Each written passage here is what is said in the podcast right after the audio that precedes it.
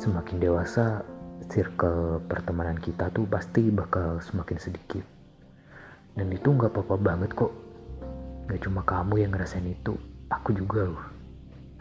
Meskipun mungkin rasanya jadi lebih sepi tapi aku ngerasa semakin ke sini justru teman-teman yang ke filter dan semakin berkualitas bakal jadi teman yang baik buat kita. Bener gak? karena buat apa teman banyak-banyak kalau itu nggak baik buat kamu hmm, di sini pukul 7 malam aku ngobrol sama kalian lagi. Gak usah nungguin malam minggu karena sekarang malam senin ya. Jadi kelamaan 7 hari lagi. Tanpa nunggu lama lagi langsung aja kita mulai bahas. Di pukul 7 malam ini aku pengen ngobrolin hmm, apa ya? Pengen ngasih sedikit obrolan yang mungkin uh, semoga bisa bikin mood kalian lebih baik lagi. Jadi obrolannya ini nggak jauh-jauh tentang toxic friendship. Nah ngomong-ngomong tentang toxic friendship kalian pernah gak sih punya temen yang toxic? Atau mungkin circle pertemanan kalian dari kecil sampai sekarang itu bagus-bagus semua? Wah keren banget dong kalau misalnya kayak gitu. Kalau misalkan aku sih pernah banget ya ngerasain uh, di posisi punya temen yang toxic. Awalnya hmm, awalnya ya awalnya jujur aku nggak bisa apa-apa karena yang namanya orang yang introvert kayak aku uh, aku pasti emang betah sendirian. Tapi kalau misalkan selalu sendiri terus pasti kan kalau ada teman-teman yang nanya kok kamu sendiri mulu sih? Kok sendiri mulu sih akhirnya aku ya berteman lah sama seseorang yang asal pilih aja gitu loh pertemanannya. Dari dulu aku nggak tahu ternyata pertemanan itu emang harus difilter. Lambat laun berjalan aku merasa kita semakin main bareng kita memang uh, ke mana-mana bareng tapi gak ada kedalamannya tersendiri buat aku. Dan lama kelamaan circle-circle tersebut uh, seperti ngekang aku gitu loh. Nah kalau misalkan kalian belum tahu tanda-tanda toxic friendship itu seperti apa hmm, yang pertama adalah dia itu selalu ada ketika dia butuh doang. Jadi misal uh, ketika kita butuh sesuatu ke ke eh maksudnya ketika dia butuh sesuatu ke kamu pasti dia bakal baik banget gitu ke kamu. Tapi sebaliknya ketika kamu butuh sesuatu dari dia pasti dia tuh selalu ada aja alasannya. Dan yang kedua kalau misalkan pertemanan yang sekarang nih kalau pertemanan aku yang sekarang uh, misalnya aku ngajak teman-teman aku jalan nih. Kayak misalnya aku ngajak si Dewi jalan gitu kan ya. Atau ngajak si Lutfi jalan gitu misalnya. Eh ayo jalan yuk gitu kan. Terus mereka tuh pasti balasnya kayak gini. Ayo uh, ayo lah gas sekarang lah. Yuk yuk gitu. Nah kalau pertemanan yang toksik tuh mereka juga kayak gitu. Tapi uh, terkadang mereka tuh tiba-tiba batalin gitu jadi pas kita udah siap udah siap mau jalan udah misalnya direncanain jauh-jauh hari gitu pas hari H gitu tiba-tiba dia nggak bisa ikut lah gitu. Terus atau yang tiba-tiba dia ngebatalin sendiri lah bilangnya e, aku ada acara nih gitu. Tiba-tiba ada apa gitu. Terus tiba-tiba pas kita lihat storynya atau kita tahu sendiri ternyata dia jalan sama yang lain. Sakit nggak sih? Rasanya kayak nggak diprioritas di nggak diprioritasin gitu kan. Uh, jadi uh, rasanya seperti kok uh, kamu gini banget lah mainnya gitu.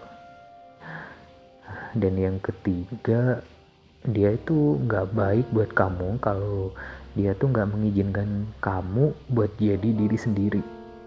Seperti halnya hmm, yang ter, terjadi di banyak circle kebanyakan. Kalau circle-circle yang toxic itu uh, ketika kamu bicara tentang mimpi aja mereka tuh kayak ngejudge mimpi kamu gitu kayak nggak suka sama apa yang ingin kamu lakuin. Katanya itu nggak kamu banget. Katanya itu bukan tipe kamu lah. Alasan-alasan seperti itu yang buat kamu jadi ragu untuk ngambil langkah tersebut karena hmm, karena nggak banyak hal-hal yang terjadi hal yang hal-hal yang justru mimpi-mimpi yang terpatahkan sama circle sendiri. Cuman kita takut sendiri gitu. Maksudnya uh, gimana ya? Kamu tuh takut sama hal yang nggak bakal terjadi. Cuma gara-gara uh, gara-gara omongan teman kamu tadi teman kamu yang toksik itu. Kalau aku ya mungkin dulunya mungkin Janit yang dulu emang takut banget buat sendiri. Tapi Janit yang sekarang kalau misalkan toh aku nggak dapet teman yang bagus aku bakalan berjalan sendiri. Aku lebih baik uh, jalan sendiri tapi kejar mimpi daripada aku sama sama temen-temen gitu ya. Tapi nggak ke mana-mana iya gak sih? Kalau kalian kayak aku cerita ya. Yang keempat ciri-cirinya itu adalah hmm, cat tenggelam. Atau jawabannya lupa balas chat aku sih orangnya nggak terlalu percaya dengan hmm, adanya chat tenggelam. Eh sorry chatmu tenggelam gitu kan oke sih beberapa reason aku terima tapi ada enggak. Uh, gimana ya?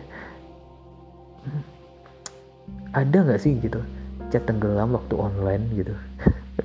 Waktu dia lagi online gitu. Sudah gitu kan kalau misalnya ketemu sama dia gitu handphonenya dipegang terus diliatin terus.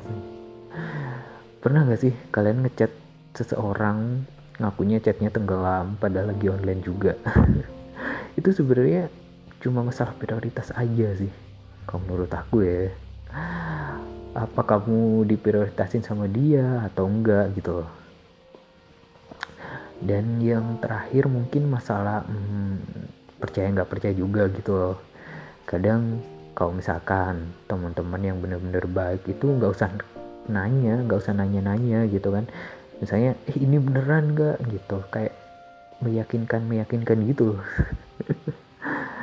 kalau misalkan masih terjadi transisi di dalamnya aku masih bertanya gitu apa sih itu circle yang sehat atau enggak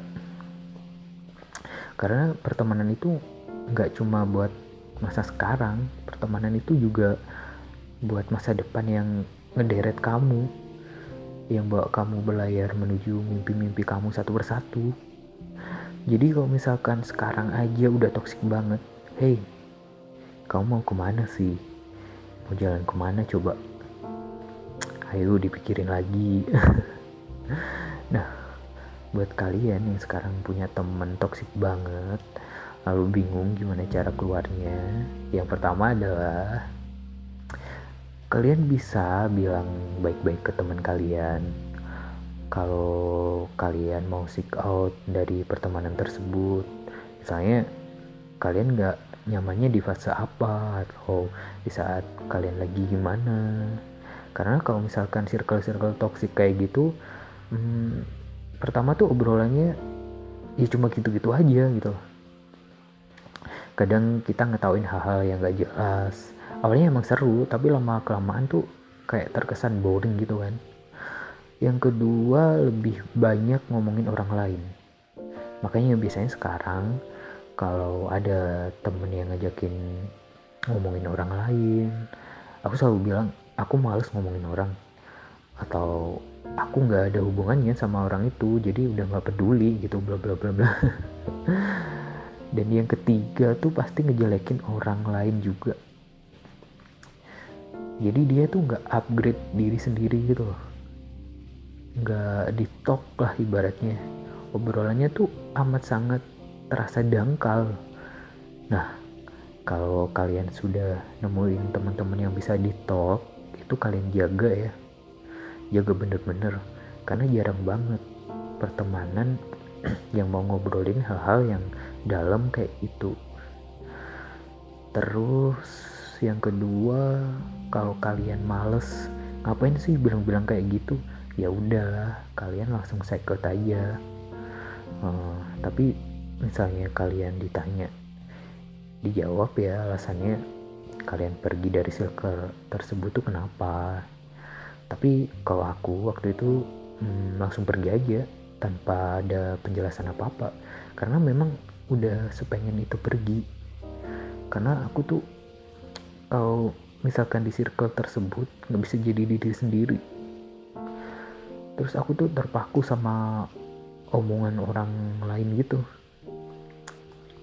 Ya itulah betapa menyedihkannya diriku. Kayak kita ada dia anggap kita ada uh, kita tuh nggak bener-bener konten di situ loh. Misalnya nggak bener-bener dihargai gitu ada banyak cerita yang uh, bilang kalau teman-teman yang toksik itu adalah teman-teman ketika dia itu ngajak main kita tapi ketika kita udah di sana kita nggak diajak ngobrol. Malah didiemin dikacangin aja gitu ditinggal main handphone atau apa gitu lah jangan ya. Kasihan banget diri kamu sendiri mending ngabisin waktu dengan jalan-jalan sendiri sama diri sendiri. Daripada kayak harus gitu kan. Sekarang kalau misalkan dipikir-pikir uh, yang ditanya emang aku temennya berapa sih? Ya, jadi temennya berapa sih? Jujur bisa dihitung dengan jari banget. Karena aku juga anaknya introvert. Uh, aku lebih suka dengan circle-circle yang kecil tapi intim banget buat aku. Uh, jadi kalau misalkan circle yang baik menurut aku adalah yang pertama obrolannya itu sehat. Jadi kita tuh emang sometimes ngobrolin tentang hal-hal yang receh-receh itu. Dan itu penting kok nggak apa-apa buat nge-refresh diri sendiri juga. Terus yang kedua ngobrol tentang masa depan pastinya. Hmm, dan yang ketiga itu circle aku sekarang nih ya mungkin ya. Kalau aku di sini tuh ada empat orang termasuk aku. Aku tahu apa yang mereka lakukan eh, dan mereka tahu apa yang aku lakukan. Jadi aku tahu mereka do something dan mereka juga tahu kalau aku tuh catch for something juga.